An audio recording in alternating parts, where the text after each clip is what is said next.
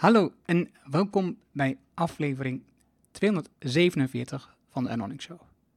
Je leert van ondernemers en ondernemende mensen die bijzondere resultaten bereiken. Welke beslissingen ze genomen hebben om hier te komen, wat ze doen, de strategie en hoe ze klanten krijgen. Mijn naam is Erno Hanning en ik deel mijn opgedane kennis, ervaringen en expertise met jou. Ik coach ondernemers die kennis leveren aan bedrijven om betere beslissingen te nemen, zodat ze weer gaan doen wat ze het liefste doen, met meer resultaat en minder hard werken. Vandaag het gesprek met Jurgen Rutgers. Jurgen is ruim 20 jaar ondernemer en eigenaar van B-Side Group. Een onderneming met drie werkmaatschappijen en 20 werknemers. Zijn drijfveer is samen met anderen online het verschil maken met nieuwe ideeën en concepten. Hij woont en werkt in de Achterhoek, maar heeft inmiddels landelijke netwerk binnen Smart Industry, Smart Mobility en Events. Tijdens zijn studie begint hij al zijn bedrijf met een tweetal vrienden. Door interesse in aandelen begon hij te schrijven over de beurs terwijl hij nog zelf geen geld had om te investeren. En door de kennis die hij mee update, kreeg hij de kans om enkele jaren een column te schrijven in de ochtendkrant De Spits. Ondertussen is hij de directeur en enige eigenaar van zijn bedrijf en heeft een dag in de week vrijgemaakt voor ondersteuning aan Achterhoek 2020. Veel van zijn contacten komen uit connecties die hij opdoet in de verschillende netwerkfuncties die hij heeft. We hebben het ook over GTD, oftewel Getting Things Done, de inzichten van het gedwongen thuiswerken door COVID-19 en wat hij daar in de toekomst van verwacht. Mooi om te leren van Jurgen over netwerken en de zelfsturing die hij ontwikkelt in zijn bedrijf. Veel plezier met de inzichten van Jurgen. Laten we beginnen. Welkom in de Erno Hamming Show. De podcast waarin je leert over de beslissingen om te groeien als ondernemer met je bedrijf. Luister naar de persoonlijke verhalen van succesvolle ondernemers en ondernemende mensen. Dan nu jouw business coach Erno Hamming. We zitten op, nu op, op een beeldscherm te bellen met elkaar. Wat, normaal zitten we tegenover elkaar, maar dat kan met de huidige situatie van uh, COVID-19, corona, uh, niet. En dus ben ik nu aan het uh, de podcast opnemen met jou in beeld. Dat is het voordeel van dat we ook beeld bij, bij het geluid nu tegenwoordig. En um, jij hebt een gaaf bedrijf. Um, we hadden laatst even gesproken en ik dacht, oh, dat is ook wel gaaf om daar meer over te horen wat je allemaal aan het doen bent. Um, B-Site, dat is een bedrijf. En, maar even, want dat, loopt eigenlijk samen de start van je bedrijf met, met je opleiding. Ja. Want je bent ooit begonnen aan de HBO Saxion Business Informatie. Dat heb ik afgerond, daar gaat niet om. Maar in die tijd ben je ook je bedrijf gestart, als ik goed heb begrepen. Ja, ja. nou eigenlijk daarvoor al. Het grappige is namelijk dat ik... Uh, het is ontstaan toen ik in uh, Vragender woonde. Daar kom ik oorspronkelijk vandaan. Een klein dorpje bij Lichtenvoorde. En in Lichtenvoorde hadden we toen de kabelkrant. Nou, misschien, uh, jij zult het je nog kunnen herinneren. Ik denk uh, de luisteraars van onze leeftijd en ouder zeker. Dat was natuurlijk wel een ding. Hè? Dan kon je op televisie kijken naar een dia-show die voorbij kwam. En een leuk muziekje op de achtergrond. En de kabelkrant zocht vrijwilligers. En ik heb me er toen voor aangemeld, want ik vond het leuk. Want ik kon er met computers aan het werk. En met Corel Draw was dat toen nog, heel lang geleden. En maakte dan advertenties. En eigenlijk um, is daar een beetje mijn liefde ontstaan zeg maar, voor het vak van marketing. En ook wat je dus met digitale marketing kunt doen, als je dat even digitale marketing mag noemen. En toen maakten wij dus advertenties voor bedrijven. En die bedrijven zeiden toen van, hey joh, er is ook zoiets als internet. Toen kwam in die tijd uh, net op. Kun je ook voor ons niet misschien een website maken? Want je maakt toch al die advertentie, vrijwillig weliswaar. Kun je voor ons ook niet een website maken? Nou, zo ben ik begonnen. Dus uh, nou, dat deed je dan voor een paar uh, honderd gulden was het er nog. En dat kwam dan uit de zwarte kast, zeg maar. En, maar goed, um, op een gegeven moment dacht ik ook wel, ja, weet je, um, ik vind het zo leuk, waarom zou ik hier niet meer mee gaan doen? Um, even kijken, ik ben 18. Ja, dus toen ik in uh, Enschede zat, toen ben ik uh, b begonnen. Omdat we toen 18 waren, mocht je naar de Kamer Koophandel, zo was dat. En, en, want hoe kon je dat toen combineren? Dan je opleiding met de HBO-opleiding, ik heb ook HBO-opleiding, was toch redelijk intensief. Um, en, en je bedrijf daarna op, daarnaast opstarten, hoe doe je dat dan? Ja, hoe doe je dat? Nou ja, kijk, de opleiding was best wel een opleiding in, uh, het was bedrijfskundige informatica. En ik deed de afstuderen of de, richting e-commerce. Uh, dat heette het zelfs toen al e-commerce, dus moet je voorstellen, lang geleden. Wat je wel zag is dat de opleiding best wel ja, ik moet, wil ze niet te kort doen, maar ze liepen soms een beetje achter de feiten aan. Dus dat betekent dat wij soms beter wisten dan de docent waar het over ging. Ja, dat is een voordeel. Dan kun je soms wat sneller door je studie heen. Het was, ehm, dus natuurlijk heb je je studiebelasting, maar het was te overzien. Ja, daarnaast, ik zat op kamers in Enschede, dus ik had geen reistijd. Ja, in die tijd maakte het niet zo heel veel uit of je even wat langer doorging in de avond of nacht, want energie voor tien, zeg maar. Ehm, en omdat ik dus met mijn twee vrienden het had opgezet, die ook in mijn studentenhuis woonden, ja, deed je eigenlijk met z'n drieën gewoon de business eromheen. Dus je was continu naast je studie bezig met je business. Nou, daarnaast, uh, wat ook wel meegespeeld heeft, is, uh, dat heeft echt ook geholpen.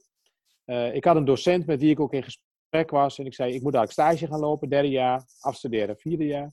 Ik zou dat graag in mijn bedrijf willen doen. Nou, dat kon in die tijd niet, want het was allemaal onmogelijk. Tegenwoordig proberen we dat juist weer te stimuleren, dus zo raar is de wereld soms.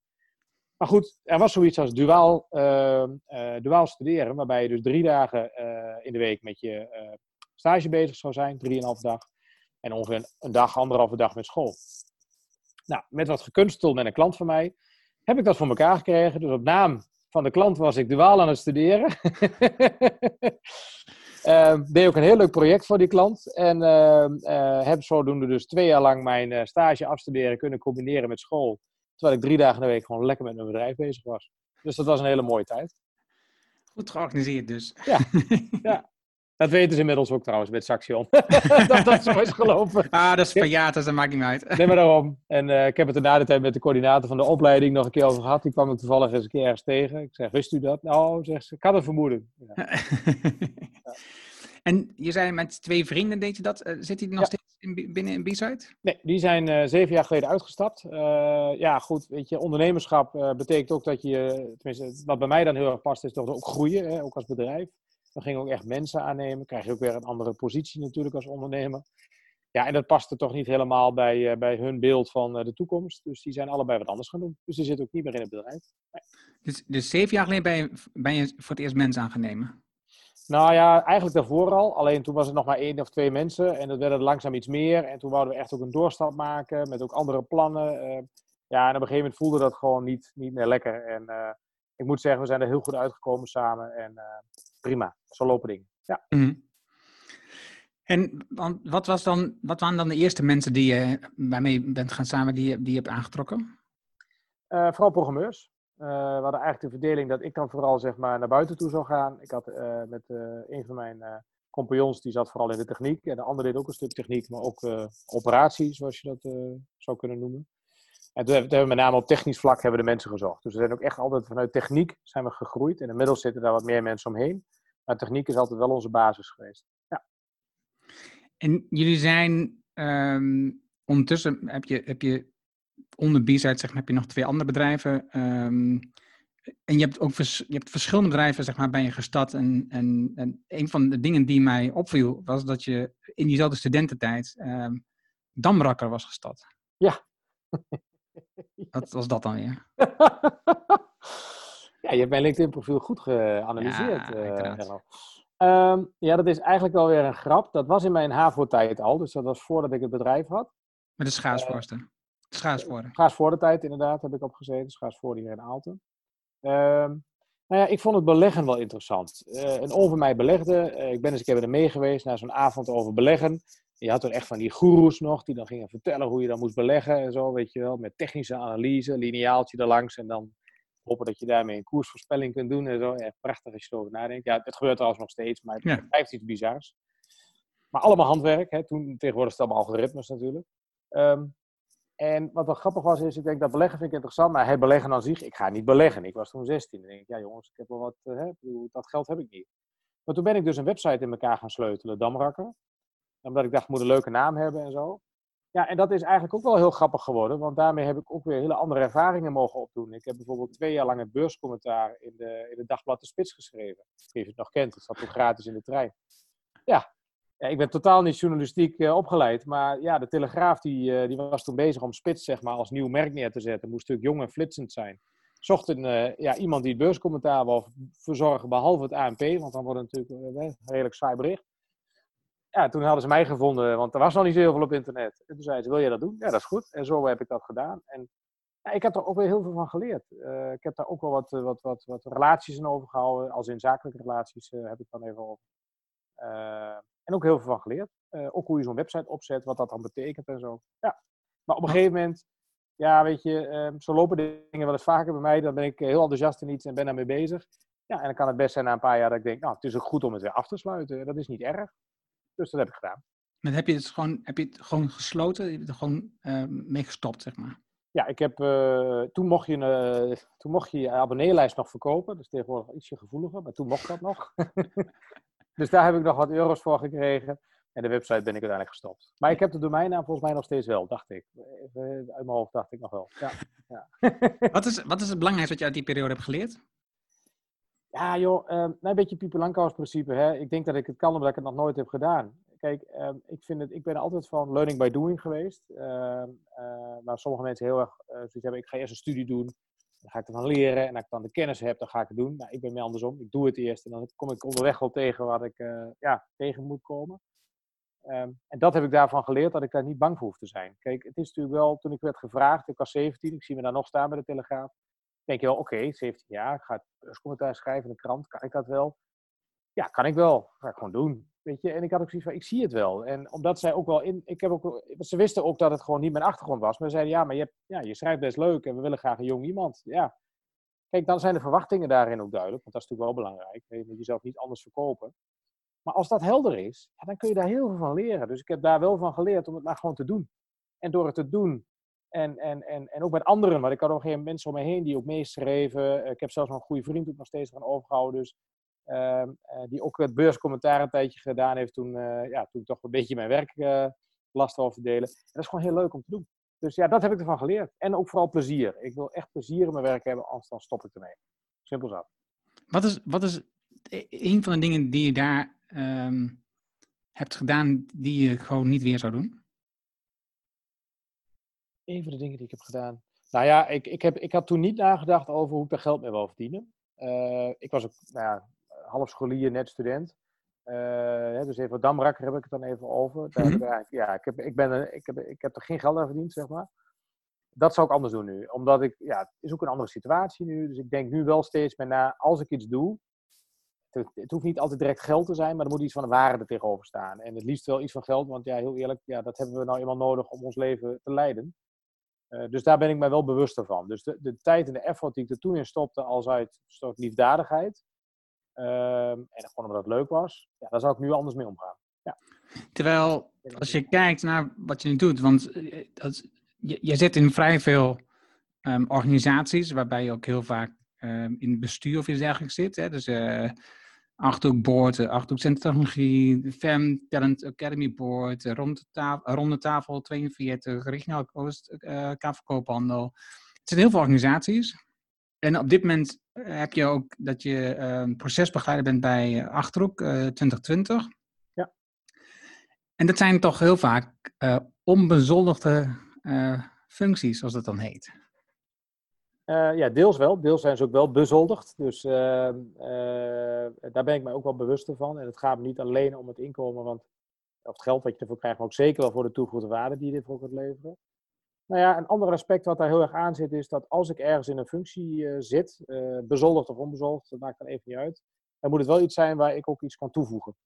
Dus uh, in een bestuur zitten en dan, en die mensen heb je ook, hè, met, met, die zitten dan in een bestuur omdat ze dan bij wijze van de verplichting voelen om daar ook een keer in te gaan zitten en nou erin te zitten om erin te zitten. Dat zou ik niet snel doen. Ik wil er dan ook in zitten omdat ik dan het idee heb dat ik daarmee iets in beweging kan brengen of dat ik iets kan toevoegen. Uh, dat is ook een stuk drijfveer wat in me zit. Uh, dus dat vind ik dan wel heel belangrijk. Ehm, en dat heb ik ook altijd gezocht in de functies die ik heb bekleed. Ja, en anderzijds, het is ook gewoon om een netwerk op orde te maken, of ja, op orde te maken, om je netwerk uit te bouwen. Ja, ik heb wel geleerd dat in een bestuur gaan zitten en je daarin een actieve rol uh, settelen. Hè, dat hoeft niet per se voorzitter te zijn, dat kan ook prima vanuit bestuurslidrol. maar wel actief deel te nemen, actief mee te doen. Ja, dan bouw je zo snel gewoon je netwerk uit en, en, en op een hele leuke manier. Ja. ja. Maar het zijn, er wel, het zijn er wel wat geweest. Ja, nog steeds wel. Precies. ja. Het is een route die ik zelf niet zo actief heb gevolgd. Um, ik, ik, ben niet zo van het vergaderen. Dat is uh, gelijk iets wat me daar enorm tegenhoudt om dat op te pakken. Ja, en ik zag dan de uitdaging erin, Erno, om de vergaderingen dan ehm, ook zodanig te maken dat en de mensen die met mij in bestuur hebben gezeten, die zullen dat uh, beamen, dat het nuttige altijd met het aangename wordt gecombineerd. Uh, ik, ik, zal namen niet noemen, maar ik had een van mijn, ik had een bestuurslidmaatschap, daar vergaderden we altijd uh, van 8 uur s ochtends tot 10 uur s ochtends. Nou, dan raad je al, dat was inclusief een, uh, een lekker ontbijt. Um, er was eentje, daar zat ik s s'avonds van 5 tot 7 was met diner. Ik had er een van 6 tot, van 4 tot 6 was ook met diner. Dan hebben we eentje, daar gaan we altijd naar de Chinees in Zelm. dus weet je, ja, je noemt het onbezoldigd. Nou ja, ach. Je hoeft in ieder geval minder te koken thuis. Uh. Nou, ja, en, maar dat geeft ook een andere setting. En um, daar heb ik ook van geleerd. Hè. Ik bedoel, um, dat doordat je dat met elkaar doet, kom je ook in een wat ontspannendere setting. En tegelijkertijd hou ik wel van strakke vergadertijden. Ik bedoel, ik vind het verschrikkelijk als een vergadering uitloopt als dat niet nodig is. Kijk, als het thema is wat meer tijd aan eh, nodig heeft, omdat nou, er speelt gewoon echt iets belangrijks. Prima, weet je. Uh, al duurt het uh, twee keer zo lang. Als het nodig is, is het nodig. Maar ik hou wel van vergaderingen die gewoon nou ja, een agenda hebben, die we gewoon netjes afwerken. En dan kun je heel veel dingen goed bespreken. Ja, dat vind ik gewoon leuk. Ik hou er wel van. Ja. De um, werkzaamheden die je nu doet, hè, want ik zag op een bepaald ook staan dat jij um, uh, ambassadeur bent voor um, Getting Things Done. Of dat nog zo is, weet ik niet, maar zeker, maar het stond op je eigen Zelf, website. Zelfbenoemd ambassadeur, hè? ik zeg het heel eerlijk. Ja, ja, ja. ja, dat, dat snap ik. Dat snap ik. Um, is, dat, is iets waar je nog steeds uh, mee bezig bent, wat je nog steeds bezig, wat je in werk nog steeds toepast? Ja, ja ik, uh, uh, ik ben absoluut nog steeds Getting Done aanhanger, zeg maar. Omdat ik er echt, het heeft mij ook gered hoor, in de zin van, weet je, op een gegeven moment doe je best wel veel verschillende taken. Je bent natuurlijk ondernemer, je hebt je mensen aan te sturen, je hebt je eigen projecten te draaien, al dat soort zaken. En wat ik gewoon merkte is dat, ja, als je dat niet op orde hebt, ja, dan, dan raak je heel snel vol. En daar zat ik ook echt, ik heb ook echt wel die tijden gehad hoor. Ik bedoel, het is ook altijd een beetje zo'n golfbeweging, maar ik denk dat iedereen dat herkent. Um, maar ik heb wel, door Kettingvings Done heb ik in ieder geval structuur aangebracht. Dat ik ben gaan vertrouwen op systemen in plaats van mijn hoofd. Wat bedoel ik daar nou mee? Uh, jij kent het ook, hè, Kettingvings Done. Uh, wat ik de basisgedachte van David Allen daarin vind, die vind ik heel mooi. Is dat je hoofd niet is om te onthouden, maar om na te denken. Dus weet je, um, uh, en onthouden kan een computer ook veel beter, of een stuk papier, maar goed, ik doe het dan digitaal, dan, dan je hoofd.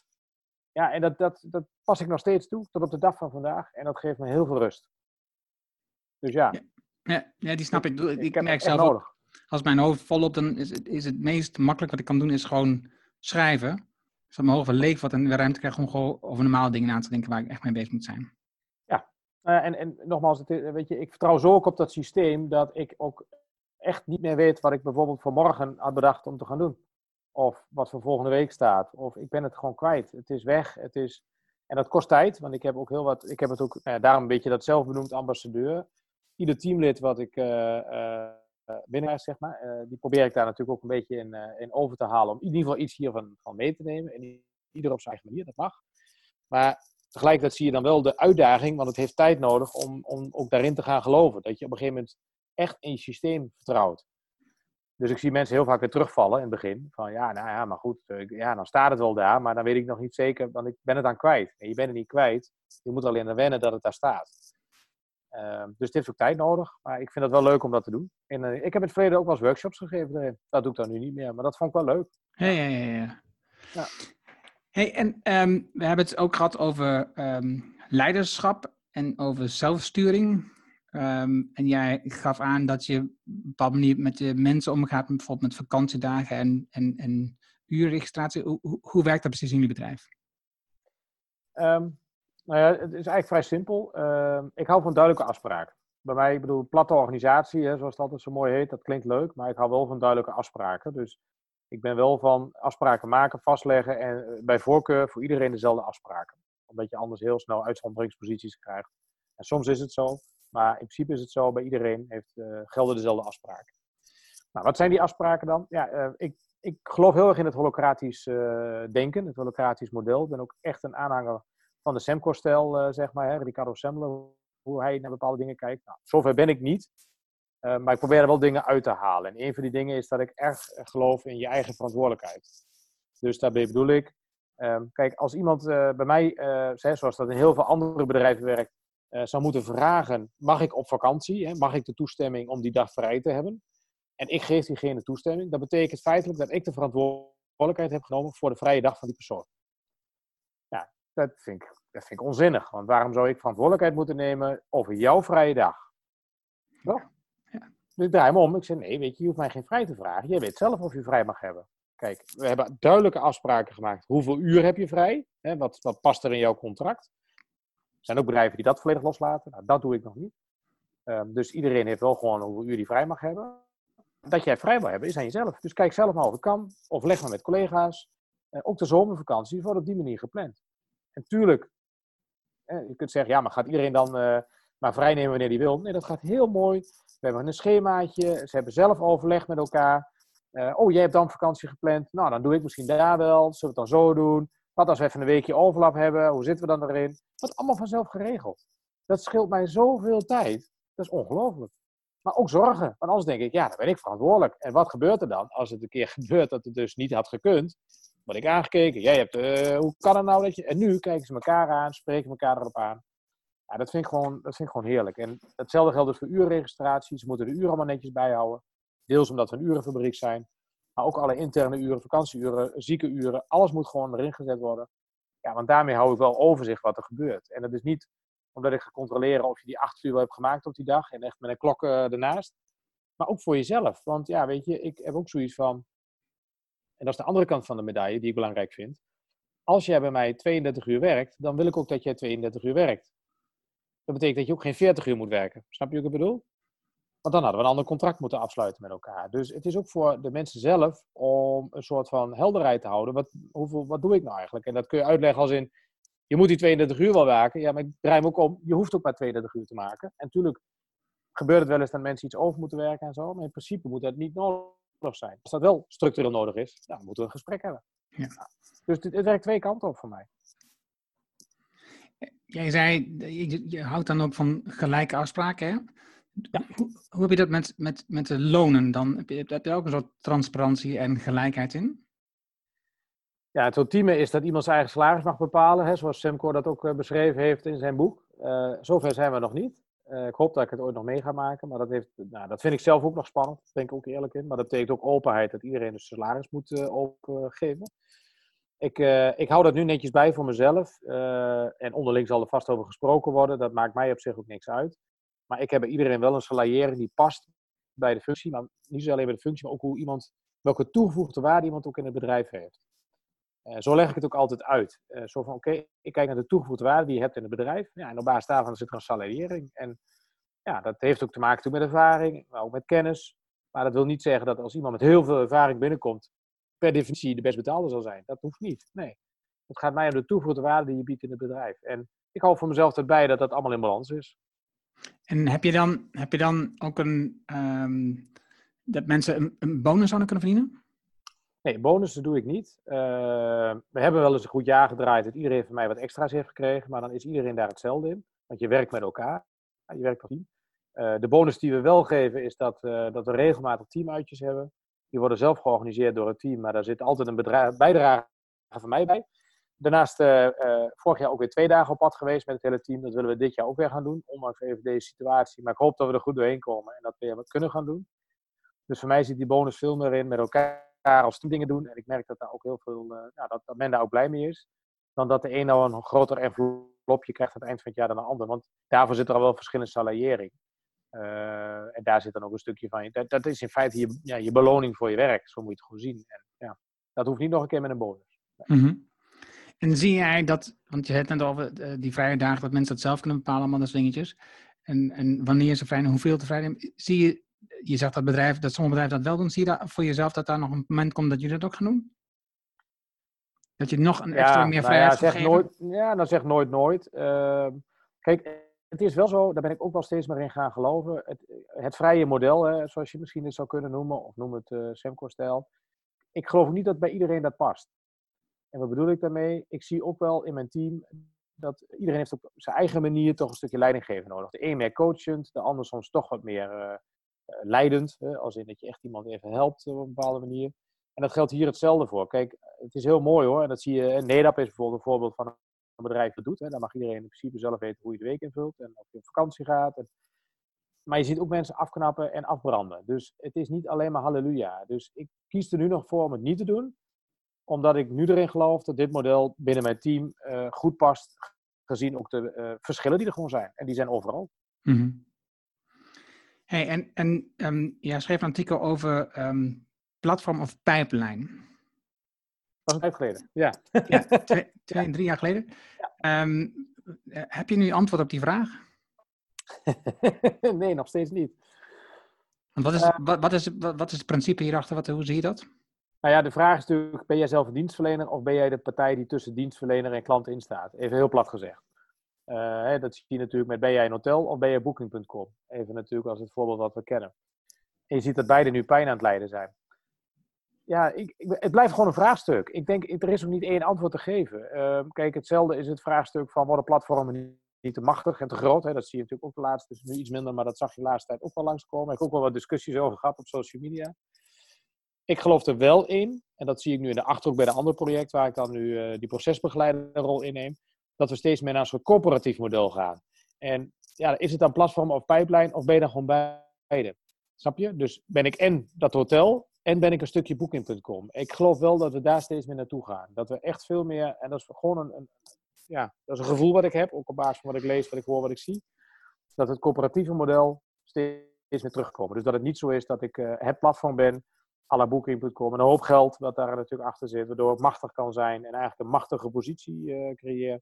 Ja, en de dienstverleners hebben het nakijken. Ja, die, die zijn gewoon overgeleverd aan, aan zo'n partij overgeleefd aan zo'n partij. Uh, ik geloof erin dat we steeds meer het coöperatieve model gaan, waarin het is van, oké, ik ben dienstverlener. Maar als dienstverlener, bijvoorbeeld, ik ben een hotel.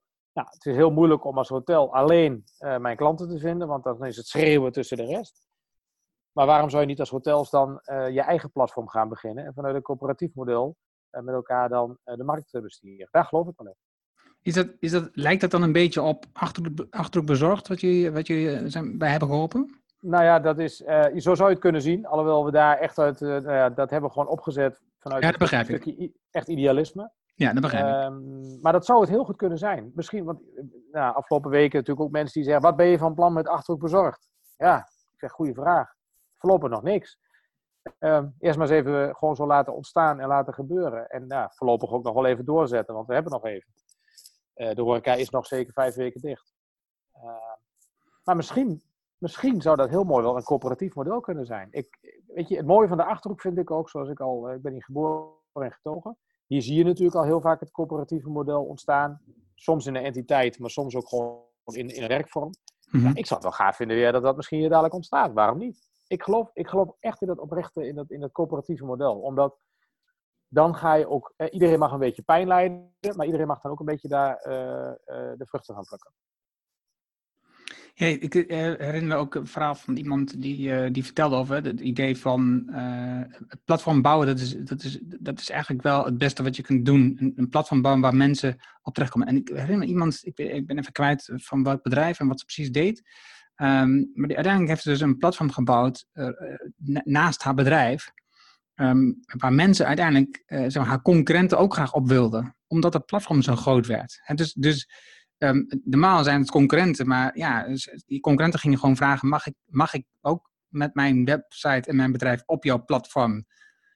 Ja, natuurlijk mag dat. Dit, daar is het platform voor bedoeld. En dus, en dus dan zie je in één keer de andere energie ontstaan. En dus ben je veel minder een knetterde concurrent, maar probeer je gewoon met elkaar um, je bereik te vergroten of um, je zichtbaarheid in de juiste doelgroep uh, te vergroten. En ja, dat is natuurlijk, ik denk, de ultieme situatie. Ik denk ook dat dat de ultieme situatie uh, is. Omdat uh, uiteindelijk uh, ook voor de partijen die dus nu de, de, de diensten leveren, zoals jij dat in het voorbeeld ook aangeeft. Kijk, als, maar dan zou iedereen daar ook eens op gelijke manier in moeten kunnen zitten. Kijk, als je dat echt in een coöperatief model kunt krijgen, waarbij iedereen dus een beetje pijn moet lijden hè, in, in kosten of in onderhoud of dat soort dingen. En iedereen daar ook iets van de vruchten in kan plukken. Kunnen nog steeds ook concurrerend zijn naar elkaar. Het is geen ja. enkel probleem. Maar tegelijkertijd heb je wel met elkaar gemeenschappelijke delen. En het grappige is, uh, je ziet het bijvoorbeeld, hè, want dat werd ook in de. Uh, ik heb een artikeltje daarna nog een keer geschreven over dit vraagstuk. En dan zie je dus bijvoorbeeld Funda, wat een heel mooi voorbeeld eigenlijk is van, van hoe dat in ieder geval ontstaan is als een coöperatief model. De makelaars zijn natuurlijk concurrerend. Tegelijkertijd hebben ze met elkaar, vanuit die branchevereniging, wel één website opgezet. Die best wel succesvol is. Ehm, dus ja, het kan wel. En kijk, het zal nooit vanzelf gaan. En ook daar gaan dingen mis. En ook daar moet je wel goede afspraken met elkaar over maken. Je voorkomt in ieder geval dat iemand anders gaat lopen met feitelijk de winst van jou. Want dat is Ja. wat natuurlijk de platformen nu deels wel doen. En Ja. ja, dat is wel pijnlijk. Ja, ja, ze hadden gewoon marge weg bij jou. En, en dat doen ze heel slim door, door ontzettend veel geld in marketing te stoppen. En, eh, en zichtbaar te zijn in de zoekmachines. En stoten daarmee zeg maar, de, echt de, de andere, de, de, de huidige leveranciers van die plekken weg, die dus nooit meer eh te terechtkomen. Die hebben niet dezelfde middelen om te investeren in, in diezelfde marketing tools. Nou, en daar zie je natuurlijk ook het punt. Dat, kijk, uiteindelijk iedereen maakt gebruik van die platforms. Eh, jij en ik waarschijnlijk. dus ik, ik sowieso al. Waarom? Ja, het is gemakkelijk en je, het is vertrouwd. En, dus we hebben het met z'n allen over. En tegelijkertijd gebruiken we het met z'n allen. Nou, en als we, die, als we dat nou kunnen omdraaien. Van oké, waarom gebruiken we nou die platformen? Nou, omdat het betaalbaar is, omdat het betrouwbaar is. Omdat het, nou, allemaal dat soort voorbeelden. Nou, wat als we dat nou vanuit een coöperatief model zouden kunnen doen? Ja, en ik geloof echt ook wel eh, dat, eh, dat er dan heel veel kansen liggen voor ook weer de lokale retail, voor de, nou, voor de horeca, voor, voor heel veel andere branches waar dit speelt. Met, eh, met dit soort, de taximarkt is natuurlijk ook een goed voorbeeld. Ja. Met Uber. Ja, ik geloof echt dat het kan werken, maar het begint wel bij dat je dat ook met elkaar moet willen. Wat jij net als voorbeeld geeft, dat is een mooi voorbeeld, hè, dat mensen zichzelf aan gaan melden. Ja, de, het zal nog wel wat tijd kosten dat het ook eh, gaat ontstaan. Maar goed, ik zou, eh, ik zou het wel heel leuk vinden om daar ook onderdeel van te zijn. Maar wij kunnen er wel bij helpen om het op te zetten eventueel. Want heb je, heb je naast dan ehm achterop bezorgd een vergelijkbaar iets waar je mee bezig bent in, in, in, in je bedrijven? Ehm, nou ja, in mijn bedrijven niet zozeer. Ik wil even nadenken. Nou ja, een beetje misschien wel. We hebben natuurlijk, eh, eh, eh, kijk, hier in de regio zijn het vooral wel voor klanten één op één, waar we allerlei online trajecten doen. Maar wat we bijvoorbeeld wel doen is, we hebben een, een bestemmingsplanner ontwikkeld, een reisplanner voor bestemmingen. Dat hebben we in samenwerking gedaan met de Johan Cruijff Arena een paar jaar geleden. Dus Johan Cruijff Arena heeft daarmee de mogelijkheid om zijn bezoekers een reis te laten plannen naar een evenement in de arena. Maar waarbij de arena kan bepalen wat je te zien krijgt. Dus ze kunnen echt sturen in reisgedrag. Ehm, dat platform gaan we doorontwikkelen. En dat doen we niet alleen maar nu met de arena, maar ook de RAI Amsterdam is inmiddels aangehaakt. Eh, en ook wel andere partijen hoor, maar dit zijn echt de twee waarmee we eh, de doorontwikkeling nu eh, gestalte gaan geven. En dat vind ik ook wel een soort vorm van coöperatief. Want het zijn geen concurrenten van elkaar. Ik bedoel, ja, ze hebben niet dezelfde evenementenvijver waar ze in vissen. Ze zitten wel in dezelfde gemeente. Ehm, en het grappige is, door dit product zijn ze ook veel meer samen gaan werken. Ja. Het is een soort bijvangst, zou ik bijna zeggen. En ze gaan bijvoorbeeld parkeerplaatsen bij elkaar eh, afnemen. Goh, als jij de horecava hebt, heb je wel heel veel parkeerplaatsen nodig. Ja, wij hebben wel parkeerplaatsen over. Nou, dat ontstaat dus nu alleen al door het feit dat wij hun eigenlijk bij elkaar hebben gebracht op dat vlak. Hè. Ik bedoel, toen kennen ze elkaar wel, maar we hebben ze wel eh, op mobiliteit nu bij elkaar gebracht. En gaan dus nu met dat product eh, ontwikkelen. Dat is, dat is ook een soort coöperatief model. Ja. Ja. En wij zitten er dan ook in, omdat wij weer de kans zien om het product verder te brengen in Nederland en daarbuiten. Want is dat all-in-air portal? Dat heb ik ook gezien. Air, all- all-in-air portal. Ja. Is het, is het ook zoiets? Nou, dat is een gedachte geweest tot nu toe, heel eerlijk. Ah, Oké. Ja, voor Lelystad Airport. Nou, inmiddels hebben we denk ik de krant gelezen dat dat voorlopig uitgesteld is. ja, we zitten in een eh, bijzondere markt af en toe. Ja, precies. Maar ehm, nou ja, dat, het, eh, we hebben het concept mogen pitchen bij Lelystad Airport. En het is eh, nog niet van de baan. Maar goed, dat is nog niet de hoogste prioriteit, gaan ze ook wel aan. Dat snap ik ook. Maar dat is hetzelfde idee. Het is eigenlijk vanuit het idee dat je als bestemming jouw reisgedrag van jouw bezoeker kan beïnvloeden. Kijk, wat je ziet is dat bestemmingen, neem een arena of een evenement of, of een vliegveld, een Schiphol, maakt niet uit. Sorry. Nou, die verwijzen dus heel mooi naar Google of die verwijzen naar de NS. Eh, alleen dan gaan Google en de NS bepalen welk reisadvies jij krijgt. En wat wij dus doen is toevoegen dat je dus eh, dat, ja, dat, dat eigenlijk de bestemming kan bepalen wat jij te zien krijgt. Nou, dat zou voor een, een Lelystad Airport heel interessant kunnen zijn om daarmee ook duurzamer te worden. Is, is dat ook, want je bent betrokken, of je, nou, zeg, je, hebt, je, je werkt samen met, met Waze. Ja. Is, is dat ook dan weer de kennis en inzichten die je daar opdoet, die dan weer hierin gebruikt? Nou ja, Waze, hè, dat is een eh, navigatie-app, eh, degene die het kent, waarmee je dus, eh, eh, ja, we noemen het eigenlijk een sociale navigatie-app. Dat betekent, je kunt ermee navigeren, maar als je ermee navigeert, geef je tegelijkertijd ook informatie over nou, hoe snel jij rijdt, dus we weten waar de files staan. Maar ook dat jij meldingen kunt doorgeven onderweg, of er een flitser staat, of dat er een auto in de berm staat, of nou, allemaal van dat soort meldingen. Waze is van Google Maps inmiddels. Hè. Google Maps die, die is de eigenaar, maar het blijft wel vanuit het model ontstaan waarbij je echt als, als, als rijder, als, als uh, gebruiker zeg maar, ook data doorgeeft. Nou ja, we, wat we eigenlijk doen met Waze is dat we de data van Waze toepassen in onze oplossingen. Dus um, als een arena bijvoorbeeld zegt van nou weet je, we gaan een bepaalde route gaan we aanmerken als de ideale route die, jij als nog uit uh, Doetinchem moet gaan rijden als je naar Ajax wil. Ja, dan willen we die route wel monitoren of het daar niet te druk wordt. Nou, daar gebruiken we de Waze data voor om te monitoren of dat goed gaat. Ja. Het is maar een klein voorbeeldje, maar dit is wel een beetje hoe het, hoe het werkt. Ja, ja, nee, dat snap ik. Het klinkt erg uh, logisch en, um, en mooi. Hey, en met een aantal ondernemers ben jij uh, naar verschillende plekken geweest. Je, je bezoekt nog steeds bedrijven. En, dat, en dat, als ik naar je Vimeo-account kijk, dan, dan, noem je dat een mastermind. Um, wat, wat betekent de mastermind voor jou? De mastermind betekent voor mij een, een, een hele mooie club mensen. Uh, waarin we op allerlei niveaus met elkaar kunnen praten over uh, ondernemerschap uh, nou ja, in de achterhoek en daarbuiten. Ik vind het ook heel bijzonder dat ik erbij mag horen, omdat het toch vooral wel industriëlen zijn, zeg maar. Hè? Mensen met een industriebedrijf. Ehm, maar ik vind het ook heel leuk, omdat blijkbaar kan ik hun ook nog dingen inspireren, leren. En andersom ook. En um, ja, omdat ze ook weer op een andere manier naar dingen kijken. Kijk, het grappige is, ik ben inderdaad met hun naar Silicon Valley geweest en naar China. Uh, vorig jaar naar, uh, naar Shanghai. Kijk, dan ga je daar industriële bedrijven bezoeken. Prachtig, hè? Dan ga je naar machinehal en dan zie je de machines. En, uh, nou, vind ik, inmiddels heb ik er best wel wat kijk op, denk ik. Want ik ben er best vaak in dat soort fabrieken geweest. Alleen ik ga daar niet direct iets mee doen. Maar dat is, van heel veel mensen is dat heel interessant. Ik kijk dan weer meer van, joh, maar hoe doe je dan sales? En hoe ben je bezig met je online presence? En wat is digitalisering bij jullie? Maar je ziet wel dat door beide vraagstellingen te stellen daar, in zo'n bezoek met elkaar, kom je wel tot een totaalbeeld en heb je daar hele mooie gesprekken over met elkaar. Dus voor mij is het een hele waardevolle club, ja, waar ik hopelijk nog heel veel reizen mee mag maken. Ja, en je bezoekt ook daarmee bedrijven um, in de omgeving die iets bijzonders, uh, die op een bijzondere manier van werken, produceren hebben. Nou ja, dat is inderdaad wat we onlangs gedaan hebben met Niveplast bijvoorbeeld, een bedrijf in uh, Nijverdal. Dus het is buitenland reizen, maar ook in, in Nederland. We, we, hebben ook sowieso met elkaar af en toe gewoon gesprekken over bepaalde onderwerpen.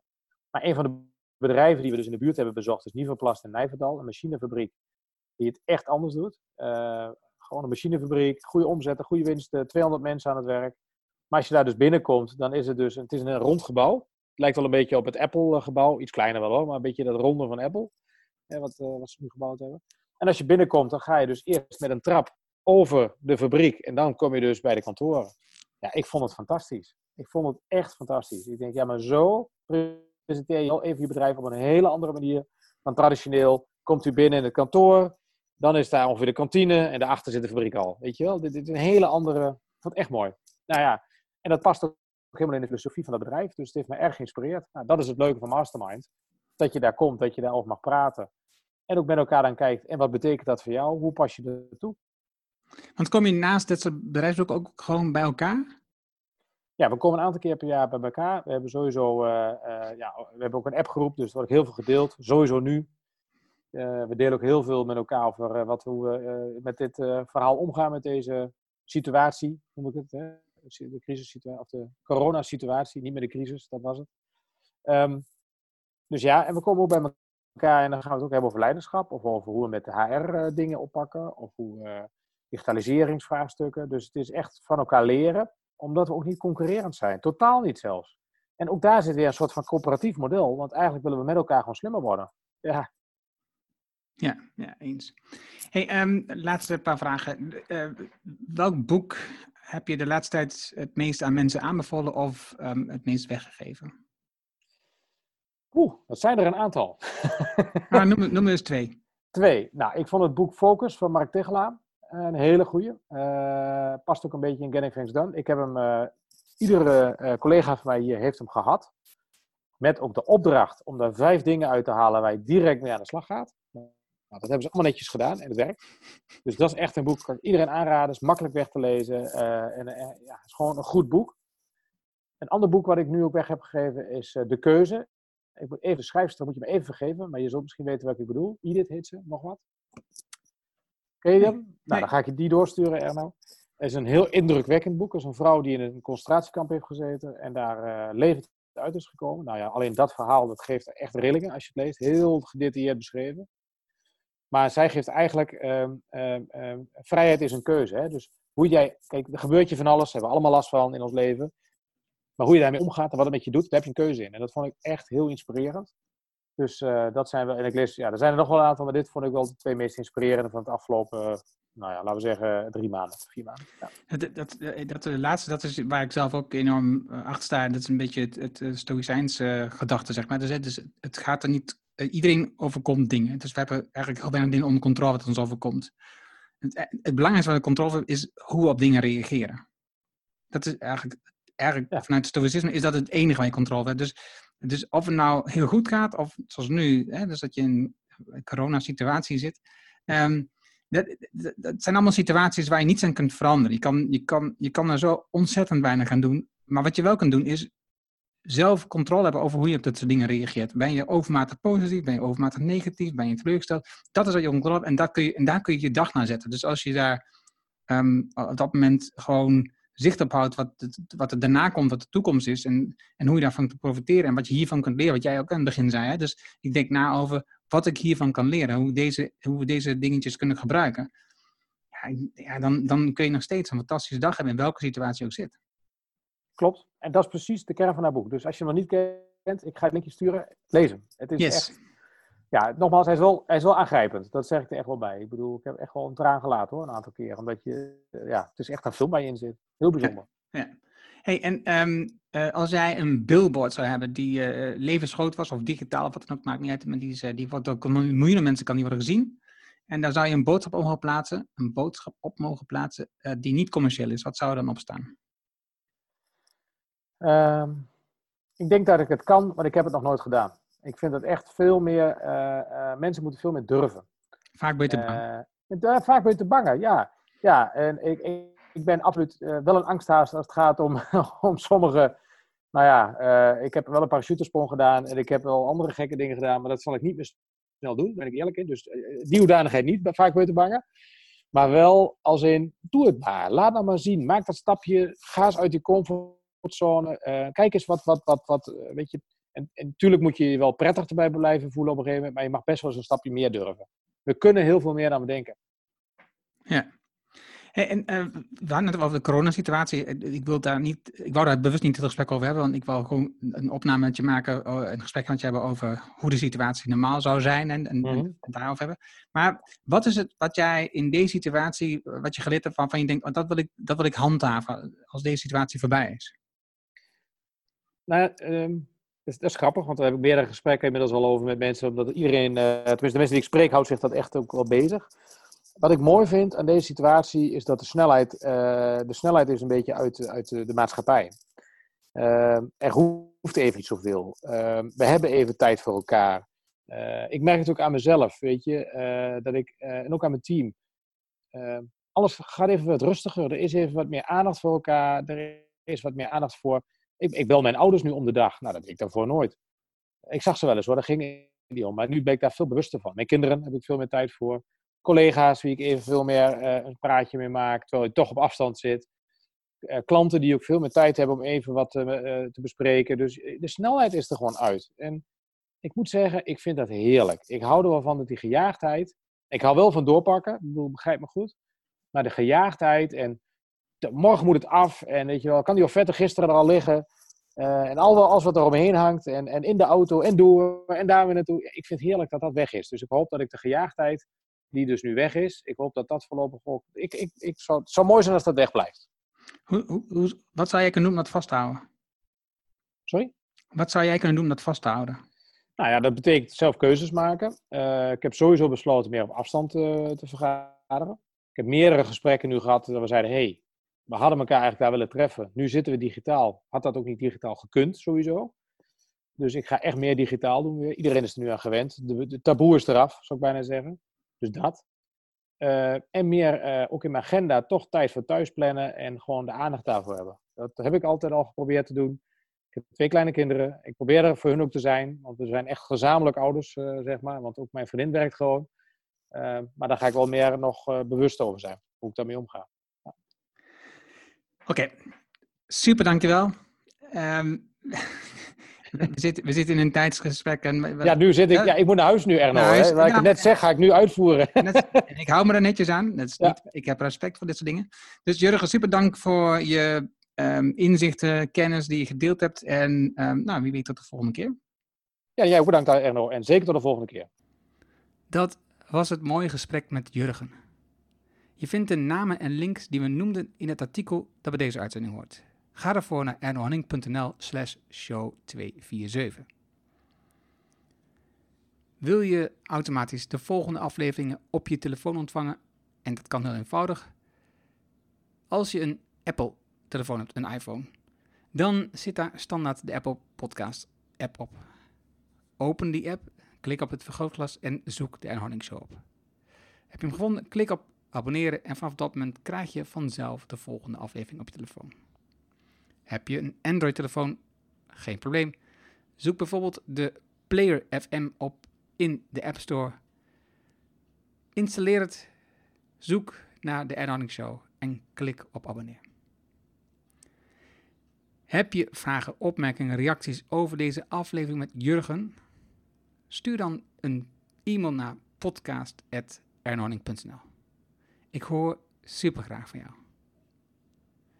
Wil je leren hoe je meer resultaat uit jezelf en je bedrijf haalt met betere gewoontes, zodat je meer ruimte krijgt om weer te doen wat jij het allerleukste vindt? Wil je weten hoe je focus krijgt op het allerbelangrijkste wat je te doen hebt? Zodat jij weer gaat ondernemen? Vraag dan het gratis boek Betere Beslissingen met betere gewoontes aan op ernhorning.nl. Dit is mijn nieuwste boek en je downloadt het helemaal gratis. Je hebt zelfs geen e-mailadres nodig. Wil je de papieren versie van het boek? Dat kan ook. Je betaalt alleen de verzendkosten. Het boekje blijft gratis. Vraag het daarom nu aan op ernhorning.nl. En je leest het in één avond tijd. Dankjewel voor het luisteren en graag tot de volgende. Dankjewel voor het luisteren naar de Erno Hanning Show op ernohanning.nl.